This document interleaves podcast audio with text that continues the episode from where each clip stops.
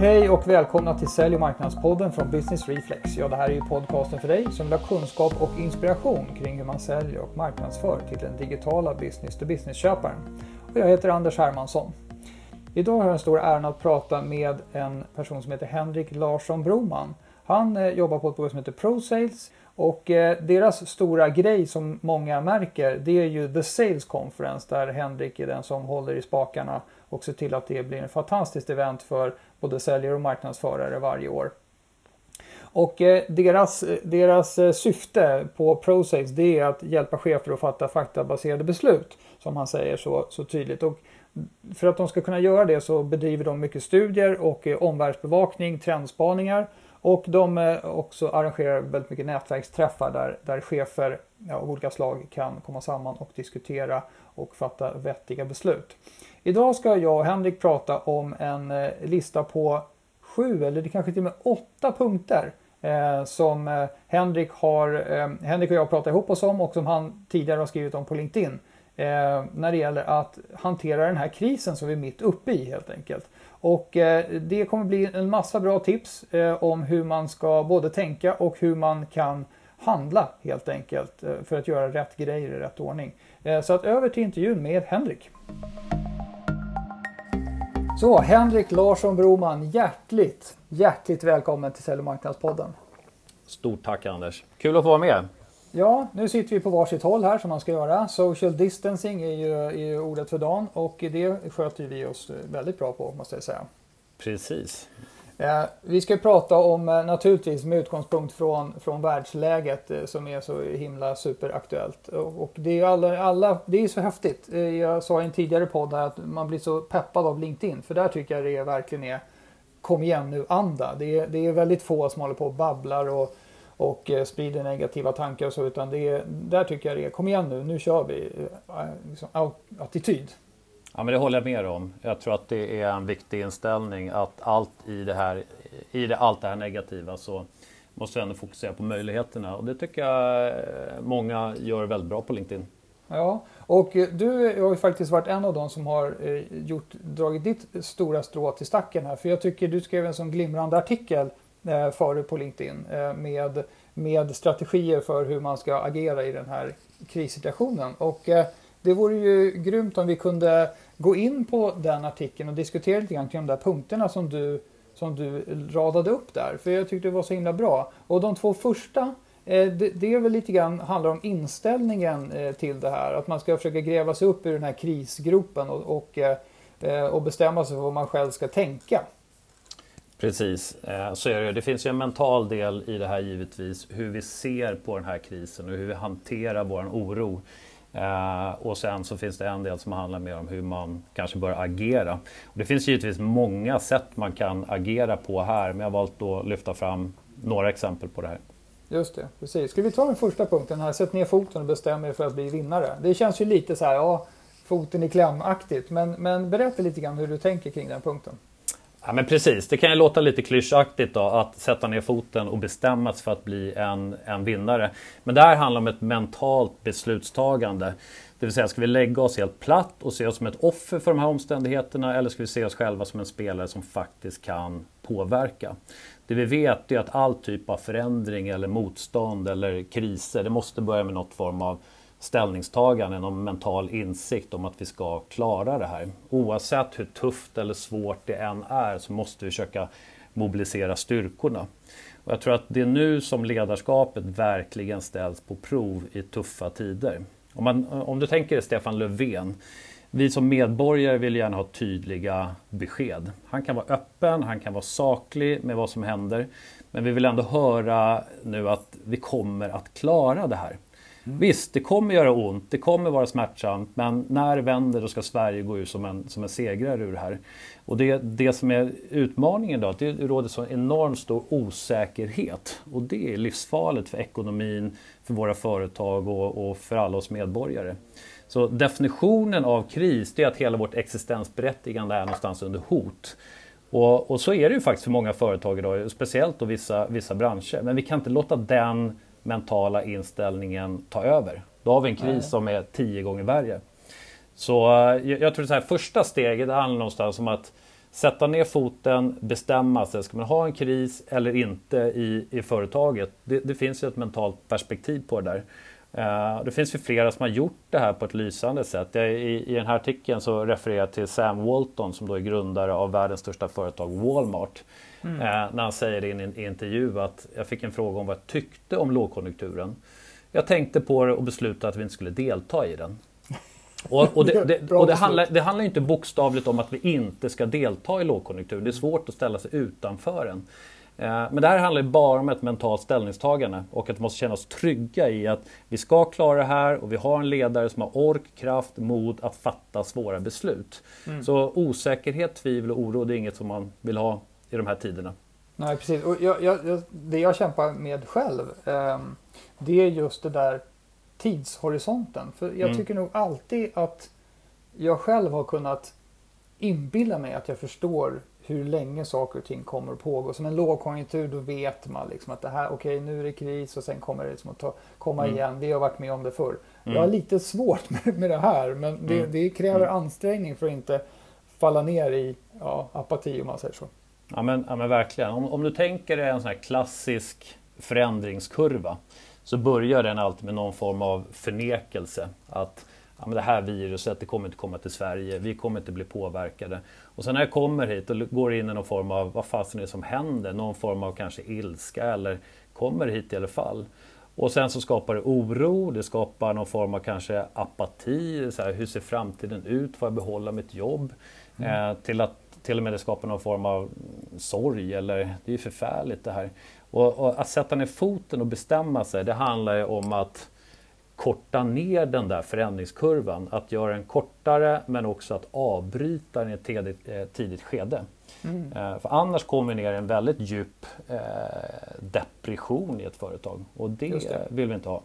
Och jag märker, det, det, sitter, det blir så personligt de här sakerna tänker jag. Det, helt plötsligt sitter allting ihop så tydligt. Jag, jag, eh, under de första dagarna, som kanske många andra också, så, så nyhetsknarkar man lite grann och eh, det gjorde att jag hela tiden, jag klättrade upp en liten bit ur den här gruppen och sen mm. halkade jag ner igen för jag fick Exakt. så mycket negativ information. Så nu har jag ju tagit ett aktivt beslut att jag, jag nyhetsuppdaterar mig en gång om dagen. That's it. Det räcker liksom för att få koll på siffrorna, sen, sen äh, agera utifrån det.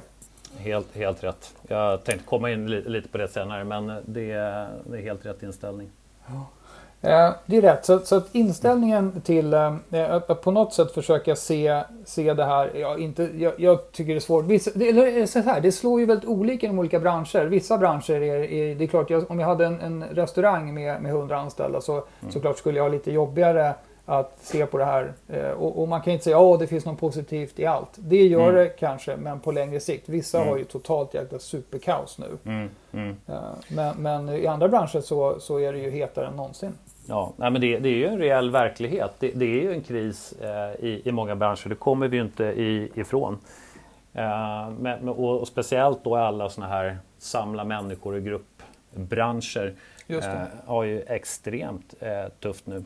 Men eh, vi får ju inte låta eh, de här negativa tankarna ta över hur tufft det än är. för då tror jag att då kan det, Nej, då är det gå, lite, gå riktigt till. Över. Ja. Då är det över på något sätt. Precis. Det. Det, det, punkt två där, inspirerat till mm. framtidstro. Eh, låt mm. inte negativa tankar frodas. Eh, du mm. var inne lite grann på det med mm. ledarskapet här. Eh, mm. vad, vad, tänker du mer kring den punkten? Ja, men den hänger ihop med, med punkt ett. Eh, men det är så, i, eh, på Process har vi bedrivit eh, stora studier på tusentals säljare i, i Skandinavien och kunnat konstatera att just framgångstro man kan kalla det för framtidstro också, men, men framgångstron, det vill säga tron på att man kommer att lyckas extremt avgörande inom försäljning. Och den här faktorn är ju ännu, av ännu större betydelse just nu. Det största problemet med en, med en lågkonjunktur eller en nedgång eh, eh, kanske låter lite förmätet att säga det, men är egentligen inte de ekonomiska parametrarna. Det är nedgången av negativa tankar. Om du tänker dig mm. följande. Eh, forskningen visar att alla vi människor, vi har en, en genomsnittlig person har ungefär mellan 12 000 till 60 000 tankar per dag. Av dem så är 80% negativa i, nor i normalläge. Mm. Så, och när vi kommer då in i en kris så förvärras ju det här ännu mer. Det är svårt att se något positivt överhuvudtaget. Så här, vad händer med mitt jobb? Eh, vad händer med företaget? Vad händer med privatekonomin? Mina barn, pensionen, mina lån, resan till Thailand och så vidare. Det där späs ju på enormt mycket. Eh, men då kan det vara bra att luta sig tillbaks lite på fakta och, och forskning. Att hjärnan är programmerad att tänka negativa tankar. De kommer automatiskt. Medan positiva tankar kräver en ansträngning. Så egentligen av alla de negativa tankar vi tänker så är det bara 8% av de som handlar om saker som det egentligen är befogat att oroa oss över. Mm. Så 40% av de där de kommer aldrig hända. Det är bara skräckscenarier som hjärnan eh, målar upp till exempel. 30% är sånt som har hänt, inte går att ändra på nu. Eh, så jag tror det är viktigt att förstå det. Och sen, sen är det idag klart det finns massa saker att oroa sig för. Vi har företagare som går i konkurs, det är människor som är arbetslösa, människor som blir sjuka. Men majoriteten av de här kommer att klara sig. Mm. Så då ska man veta att negativa tankar är vansinnigt mycket mer smittsamma än Corona. Just det. Tankar är, är, bland det mest smittsamma som, som, finns. De är som pesten.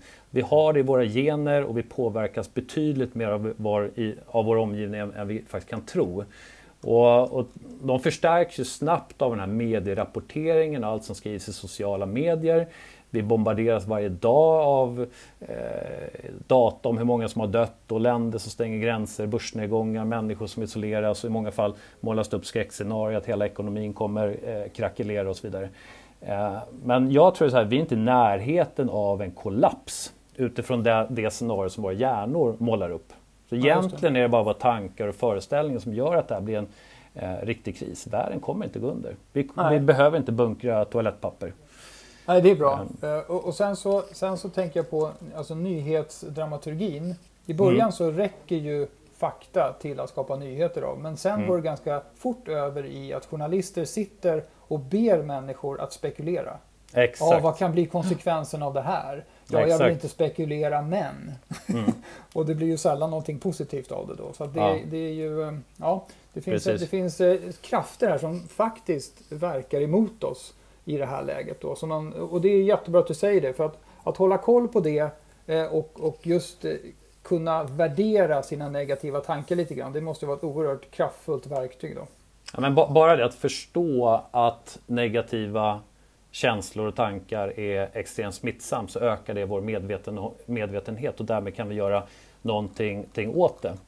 Uh, och det finns ju flera saker man kan, kan göra åt det här givetvis. Det första är som du var inne på, skär ner på konsumtionen av all information som kan stärka och förvärra oron. Mm. Vi vet ju att 9 av 10 nyheter idag är negativa. Media älskar katastrofer. Uh, och det påverkar oss på, på ett negativt sätt. Så mm. som ledare så kan vi faktiskt välja att uh, sina medarbetare alltså, bidra till att nu stänger vi av mediaflödet. Vi fokuserar på de nyheter som verkligen måste känna till. De som är mer faktabaserade och som påverkar oss och som vi kan, kan hantera. Uh, så det, det, kan man göra, att välja också att lyfta fram positiva nyheter i vår omvärld. Företag som gör gott eller forskare som gör framsteg eller smart teknologi som vi kan, kan använda oss utav. Uh, så det är ett sätt. Uh, det andra det är att fokusera på det positiva, det man faktiskt gör bra i företaget. Eh, Jan-Ove Wallner, bordtennisspelaren, sa en gång att jag tittar bara på matcher jag vunnit. Mm. Eh, och varför gjorde han det? Jo, för att han inte vill smittas av negativa tankar. Han fokuserar på det han gör bra och sen får coachen ta hand om eh, de, de, de saker som man inte gör bra. Och så får man träna på det i, i smyg. Och det är lite, kan man göra en liknelse med ledarskapet. att Eh, man kan faktiskt hjälpa sina medarbetare att fokusera på det som vi faktiskt kan påverka och det som vi gör bra. Mm, just det. Vi, vi har en, en, eftersom alla jobbar hemifrån så har vi en morgonincheckning varje dag. Halv mm. nio så kopplar vi upp oss och så har vi ett Google Meet. Mm. Och eh, första dagen så vadade vi runt i corona-elände upp till axlarna. Redan mm. andra dagen var det någon som reagerade och sa kan vi, liksom, kan vi sluta hålla på och babbla om eländes corona på de här morgonträffarna. Yes. Eh, och, och, alla kom ju på sig själva då med att visst, vi kan ju ha en annan inställning när vi drar igång det här. Och mm. ha ett peppmöte istället där vi pratar mm. om vad vi ska göra under dagen och vad vi gjorde som var bra dagen innan. Det ger ju en mycket bättre energi för att gå vidare med dagen. Ja men verkligen. Och, och så, så, då brukar jag säga att man, man, måste fokusera på det man kan vinna från krisen, inte, inte förlora. Yes, mm. vi kommer förlora massa saker men det finns också vi kan, kan vinna. I sådana här lägen så finns det faktiskt möjligheter att vinna marknadsandelar. Eh, vi kan stärka vårt varumärke, vi kan plocka kundandelar, vi kan satsa på digital försäljning, vi kan om möjligheten finns rekrytera bra säljare därför att eh, nu finns det plötsligt ett utbud utav dem och så vidare. Det finns massa positiva saker som man kan vinna i tuffa tider. Mm. Det kan jag säga av egen erfarenhet som har hänt sen det här läget uppstod. Vi har flera kunder där i ärlighetens namn, vi har skött deras digitala marknadsföring men vi vill ju hemskt gärna hjälpa till på säljsidan också. Men mm. det har inte funnits en riktig mottaglighet för de råd och tips vi har kommit med. Nu är uppmärksamheten lite bättre kan jag tala om. Det är ja. väldigt mycket större motivation att göra, genomföra förändringsprocesser inom, in, på säljsidan. Så det ju, kan ju Just vara en positiv det. grej för det behöver, det har liksom det har bara accelererat. Någonting som kommer att behöva hända förr eller senare har vi liksom tryckts in nu i. Mm. Så att eh, det är bara att checka upp det. Ja, just ja. det. Du, eh, bra, eh, jag tänker då, då har vi liksom fått lite koll på de mentala förutsättningarna att man kan göra sig själv en, en tjänst genom att tänka och på ett visst sätt och vara vaksam på ett visst sätt vilken information man tar till sig och hur man värderar den och sådär. Ja men precis, och jag kan bara lägga till en sak där. Jag tror också att i det sammanhanget så behöver man också se över sina traditionella kopior, mätetal. Det är inte särskilt inspirerande att se försäljningen minska eller ordervolymer som krymper eller minskad lönsamhet. Då är det bättre att välja bort dem i det här läget eh, och fokusera på andra typer av nyckeltal som faktiskt går att påverka. Det kan vara marknadsandel, kan vara retention som många fokuserar på, att behålla kunder snarare än kanske vinna nya kunder. Eh, kreativa idéer, närvaro, sociala medier. Det finns massa saker som vi kan eh, lyfta fram och som inspirerar människor där man faktiskt ser ett framsteg snarare än, än rena försäljningssiffror. Mycket bra, mycket bra tips. Om vi går över till, till eh, handlingssidan här då, när vi mm. har skaffat oss de rätta mentala förutsättningarna. Vad, mm. Hur ska man tänka då? Det, det, finns en, en punkt du tog upp här kring långsiktighet. Just det. Eh, en viktig del i det här tror jag det, är att lyfta blicken och tänka långsiktigt. Kriser varar inte för evigt. Du, du, du nämnde det lite inledningsvis där också att det här är inte första gången vi genomlider en kris. Under de senaste 50 åren så har vi haft ungefär nio stora ekonomiska kriser. Uh, och när jag var ute och föreläst väldigt mycket under, under finanskrisen och uh, då ställde jag ofta den frågan. Så här, hur länge varar en lågkonjunktur egentligen? Eh, och i de flesta fall får man till svar tre eller fyra år. Och som tur är så, så är det helt fel. En lågkonjunktur varar i genomsnitt tio månader, ska man veta. Den längsta vi haft det var faktiskt finanskris, eh, finanskrisen 2007 till 2009. Var det ett och ett halvt år. Den kortaste bara sex månader. Sen, sen är det klart att den här vet vi inte riktigt konsekvenserna av ännu. Den kanske blir värre än finanskrisen. Eh, eller inte. Vi kanske återhämtar oss eh, tidigare än än vi faktiskt tror. Men eh, varför det är viktigt då? Jo, för det första är det viktigt att inte tappa perspektivet här.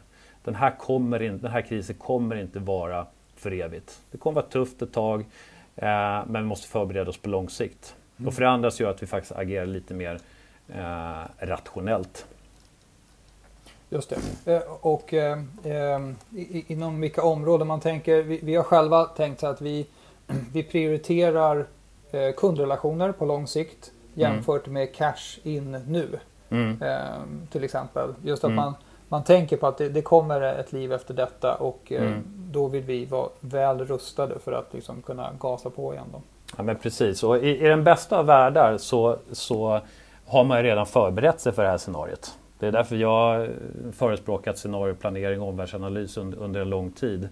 Eh, jag kan bli lite förvånad, jag kan tycka att svenska staten, de myndigheter vi har, borde haft en bättre förberedande eh, krishantering av det här. Nu vet vi inte exakt hur mycket de har gjort innan, men det här är ju ett scenario som eh, alla forskare har varit överens om under lång tid. Att det är inte en fråga om när vi får en sån här eh, smittspridning eh, eller om den kommer att ske, utan, utan, när, när den kommer att ske. Ja. Eh, och det är lite samma sak med ett företag. Alltså någon gång kommer en lågkonjunktur, då måste vi ha en förberedelse för det. Oavsett om det handlar om att ha en stridskassa eller om att ha eh, idéer om hur vi snabbt kan ställa om när det väl börjar, börjar gå neråt. Mm. Men det är klart att eh, är man i restaurangbranschen så det var kanske ingen som hade riktigt eh, förutsett det här. Inte den här magnituden, nej, nej precis. Nej. nej. så är det Och det, det fattar man ju också. Och, men det kan ju vara bra att ha liksom, någon form av hemförsäkring för hus brinner ju ner då och då. Ja men precis. precis. Mm. Mm.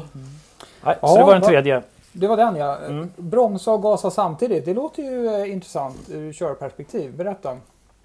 Nej, men Bain Company gjorde en stor studie efter finanskrisen 2008. En studie av 3900 företag. Och då beskrev de så här. Tänk på lågkonjunkturen som en skarp kurva på en Formel 1-bana. De bästa förarna de bromsar in hårt precis framför kurvan och sen så svänger de hårt ut mot toppens kurva och sen accelererar de starkt ur den här kurvan. Mm. Och det de menade med det, det är att de bästa företagen de bromsar in snabbt när lågkonjunkturen kommer. Stannar upp, funderar över vad är det vi behöver göra nu? Vad behöver vi ta för actions? Ta fram korta listan över projekt som behöver genomföras för att klara den här omställningen. Det vill säga vilka kunder ska vi prioritera? Hur optimerar vi marknadsföringen? Hur förbättrar vi kundupplevelsen? Vilka anpassningar behöver vi göra i vårt erbjudande givet den här rådande situationen? Och därefter, när de börjar närma sig kurvan, då accelererar de istället kraftfullt. Med, mm. Medan konkurrenterna är fortfarande passiva och bara tänker på överlevnad. Så när, när de väl börjar satsa igen så är avståndet alldeles för långt till de som hade dragit iväg i, i, i, kurvan. Och det tycker jag är en väldigt bra metafor för hur man bör tänka i en lågkonjunktur. Visst, de flesta behöver nog göra kostnadsbesparingar, skära ner på sånt som är onödigt. Eh, men att sluta investera, framförallt i sälj och marknad, är inte en, en bra idé. Det, det, det, finns en annan studie av McGraw och McHill som, eh, där man analyserade 600 business-to-business-företag under lågkonjunkturen i början på 80-talet. Mm. Uh, och där kom man fram till liknande resultat. Det är ingen bra idé att helt dra i handbromsen när det kommer till försäljning och marknadsföring. Uh, alla företag måste just dra, dra kostnader uh, men en viktig är att behålla eller till och med öka investeringen i, i marknadsföring. Och det de kom fram till här det var att de företag som vågade behålla sina marknadsföringsbudgetar, till och med öka investeringarna i marknadsföring, lyckades betydligt bättre när det väl vände. Det vill säga de investerade i kurvan när det var, var på väg att, att vända. Mm. Så ungefär två, tre år eh, senare när man hade eh, mätte det här igen så hade de företag som hade gasat i kurvan, de hade 275 procent högre försäljningsökning eh, än, än, än genomsnittet eller jämfört med 19 procent för de företag som hade dragit i handbromsen. Så jag, jag, tror att det kommer gälla än idag att det finns enorma möjligheter i det här också eh, som man inte får glömma bort. Att helt bomma igen det är, det är förödande på lång sikt. Ja. Intressant. Och, då, och, jag tänker själv så här, det, det, är ju, då kanske man pratar i egen sak, men vi håller ju på med marknadsföring och försäljning. Men, men det är intressant tycker jag att de här, vad, vad de här studierna visar på. För det kan ju vara så att när man väl blir rädd och kortsiktig då drar man i den där beryktade handbromsen och, mm. och bara stannar allting för då känns det att då har man åtminstone lite kontroll på läget när det så att säga, inte händer någonting. Ja. Men det är väldigt bra att förstå att det är också ett riskfullt beslut då. Eh, att Precis. helt enkelt sluta med mm. allting. Mm. Nej, men sen, sen, kan det ju vara, givet dagens situation så finns det en enorm möjlighet att också spara pengar på sälj och marknad när allting nu blir digitalt ja. Eh, under en period. Eh, så det är en enorm möjlighet att faktiskt ställa om till andra typer av digitala eh, kanaler. Där man inte, för det ska man veta att en säljorganisation är ofta väldigt dyr att, att drifta. Ja, och, och i de flesta säljorganisationer som jag är i kontakt med så vurmar man ju för det personliga mötet och jag mm. fattar det när mm. man liksom inte har fått något annat bevisat för sig. För den personliga försäljningen den har ju pågått i vad det, 150 år eller säkert om man drar ut det historiska perspektivet 300-400 år. Eh, och det är mötet där man ser varandra i ögonen och, och, skapar en relation där. Så det är det man har klamrat sig fast vid. Exakt. Men eh, jag tycker att det ska bli väldigt intressant att se nu när vi inte kan göra det längre hur man ska jobba för att uppnå samma värde överförelse och samma relationsbygge på ett digitalt sätt. För jag är säker på att det går att göra. Ja. ja men I många fall så, så tror jag nog att det, det kommer att gå att, att göra. Mm. Eh, därför att det här kommer ju att förändra våra beteenden och vanor i grunden. Ja. Vi kommer nog aldrig ha sett en så snabb IT-mognad som vi ser nu. Nej, verkligen inte. Um, så det, det, det, kommer förändra förutsättningarna för företag. Yes. Så då har vi konstaterat att det är, det är mer riskfyllt än man kan tro att bara mm. bromsa. Utan man ska, man ska försöka se. Och sen har man då naturligtvis, just nu så kanske problemet är att man inte riktigt vet hur lång kurvan är. Men eh, det blir väl då din trendspanings där mm. att man måste verkligen hålla koll på vad man, nykter syn på var man befinner sig i den här krisen. Och det kommer, vi kommer ju få, för varje dag får vi ju mer och mer information om hur läget ligger. Och, och jag, menar, jag kan ju inte låta bli att bli lite upplyft av det faktum att eh, Kina håller på liksom att komma tillbaka upp på banan igen. Mm. Eh, mm. Och då, då, har man i alla fall ett exempel på, förvisso en, en jäkligt totalitär stat som kan mm. säga åt folk mm. att göra vad som helst. Men, mm. men det verkar som att det funkar i andra asiatiska länder också. Ja. Um, så det känns som att man börjar få lite, lite koll på läget i alla fall. Precis. Yes. yes. Du, ställ inte in, ställ om.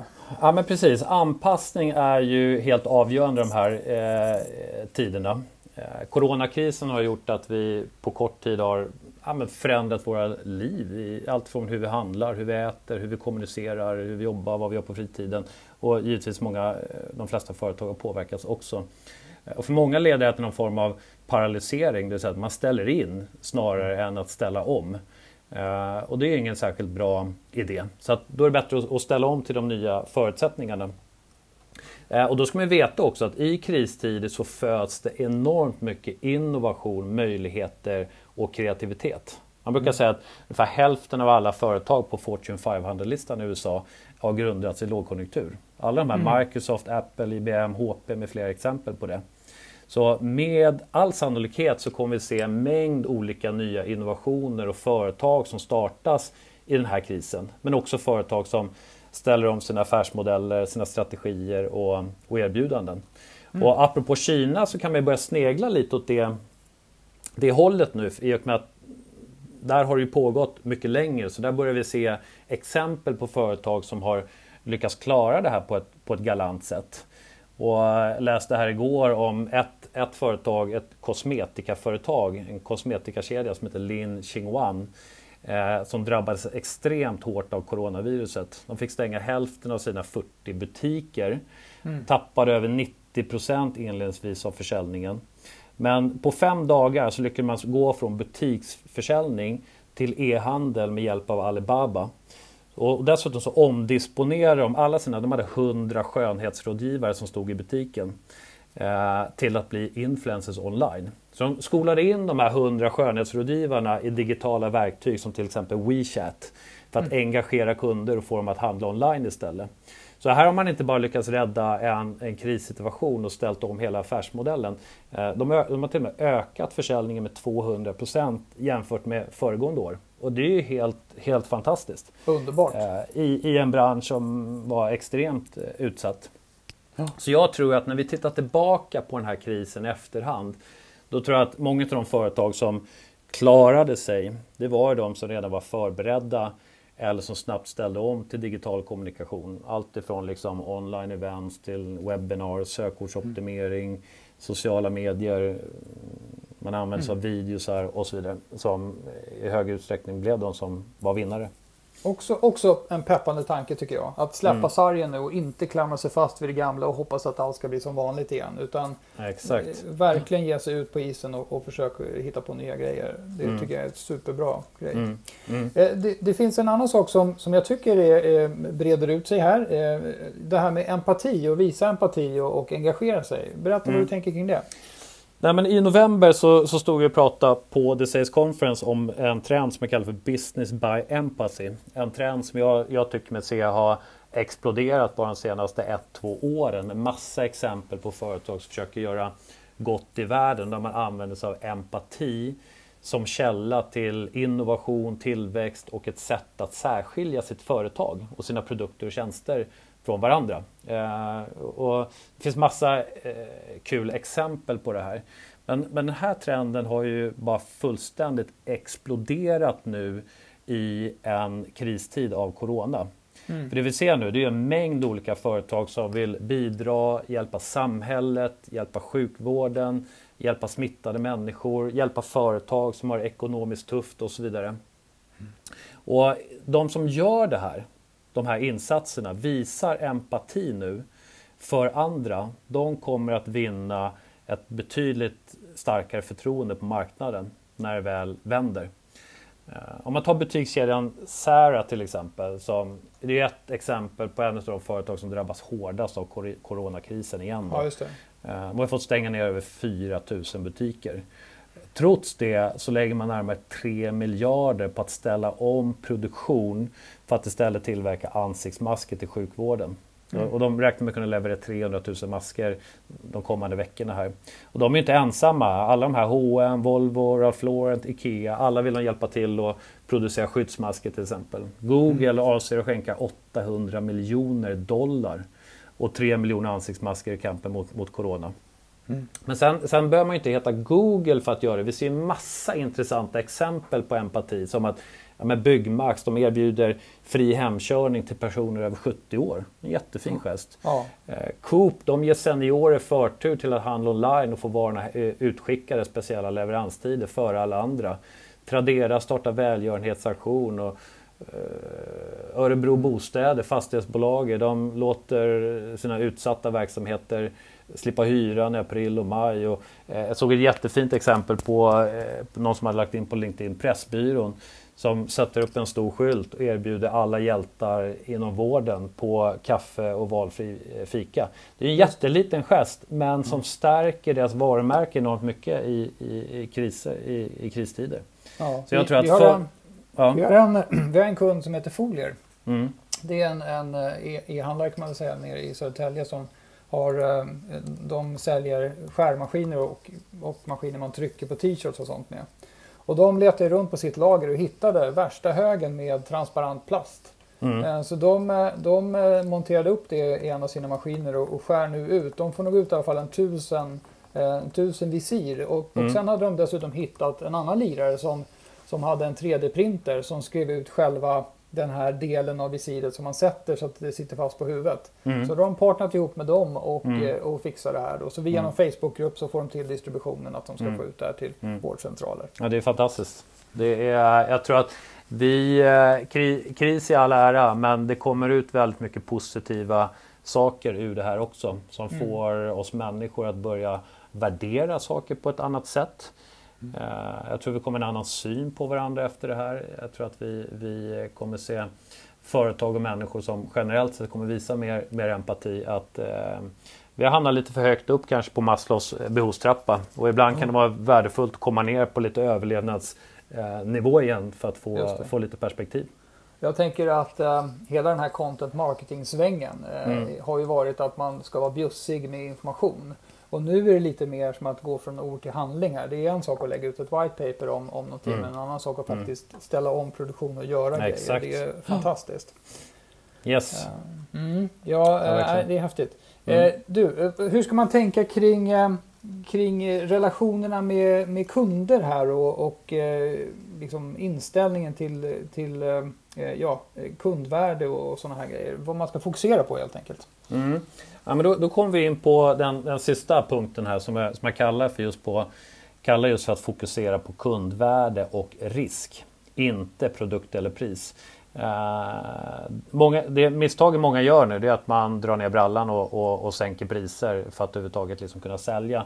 Och, och, I vissa fall kanske det är en nödvändighet, jag vet inte. Men det man ska veta är att i tuffa tider så blir också kunderna mer riskmedvetna och man mm. blir mer kortsiktig. Man vågar inte chansa, man vågar inte eh, göra felaktiga beslut för det kan få stora konsekvenser. Så att i, i det här läget så handlar det mer om att vara extremt relevant. Mm. Extremt relevant för sin marknad snarare än att försöka eh, erbjuda låga priser till exempel. Och att förstå vilka risker kunderna faktiskt tar. Uh, och det här är ju vanligt liksom, viktigt i normal försäljning också, men blir ex ännu mer extremt nu. Att just verkligen förstå vad är det för några utmaningar? Vad är kundernas verkliga pain just nu? Vilka är deras kortsiktiga prioriteringar? Och hur, vi, hur kan vi hjälpa dem till att lösa det och att mm. verkligen skapa värde för, för kunderna? Så att stånga sig blodig på att sänka priset eller, eller sälja produkter och försöka öka trycket, det tror jag inte en bra strategi i det här läget. Utan då handlar det verkligen om att sätta sig in i kundernas problem just nu och rikta sig kanske också mot de företag och branscher eh, där det finns någon form av investeringsvilja eller som, som kan eh, göra någonting åt situationen. Just det. Och, och, mm. det, och det jag, jag länkar ihop lite grann med empati också. Att, att mm. verkligen se till sina kunders situation och försöka mm. göra det bästa av den. Mm. Eh, och, och vara beredd att ja, kanske kompromissa eh, med just det där, dela risk till exempel med kunden. Precis. Eh, yes. Eh, att, vara, att vara öppen för det. Och, ja. och jag tror också just att vara proaktiv. Inte, mm. inte vänta med att ställa frågan och hoppas att kunden har glömt att det är coronakris. Ja. Utan, ja. utan verkligen gå in proaktivt i det och visa att man bryr sig och sen vara beredd att agera utifrån det Precis. också. Mm. Ja men verkligen. Verkligen. Grymt Henrik! Vilken, vilken, jag tycker jag blir peppad av det här. Jättebra lista med grejer verkligen. Och jag hoppas att det ska ge våra lyssnare lite, lite ännu mer råg i ryggen och fortsätta och kämpa sig igenom det här och komma ut friskare på andra sidan. Ja, vad kul! Ja, mm. Jag hoppas eh, verkligen det. det. Man får försöka vända sig till de saker vi faktiskt kan, kan påverka. Sen finns det ju massa saker i omvärld som vi faktiskt inte kan göra någonting åt. Men ja, så är det, det får, får det, bara gilla Det är som läget. vanligt. Det är bara det är lite svårare att inbilla sig att man har koll på läget nu än vad man normalt mm. lyckas göra. Mm. Ja, men det var någon som skrev det på äh, mitt inlägg på, på LinkedIn att kanske är så att vi, vi får jobba två gånger så hårt för att få ut hälften av värdet just nu. Uh, och så kan det ju faktiskt vara men, men vi, vi kan ju faktiskt påverka vissa, uh, vissa delar i det här. Uh, mm. Så att man får göra det bästa av situationen. Super. Du Henrik, tack supermycket för att du tog dig tid att vara med i Sälj och marknadspodden. Ja, men stort tack! Verkligen vi kul. Vi hörs snart igen. Ja, men det gör vi. Ha det bra. Tack, hej. hej. Ja, det var allt vi hade att bjuda på för den här gången från Sälj och marknadspodden. Jag hoppas verkligen att du känner att det var inspirerande. Jag varit själv riktigt peppad av att prata med Henrik eh, och det finns ju massa bra tips i, den här, i det här avsnittet som jag hoppas ni tar till er och gör det bästa av. Eh, och sköt om er nu och ha det bra och framförallt vad ni än gör där ute så ska ni vara relevanta. Hej då!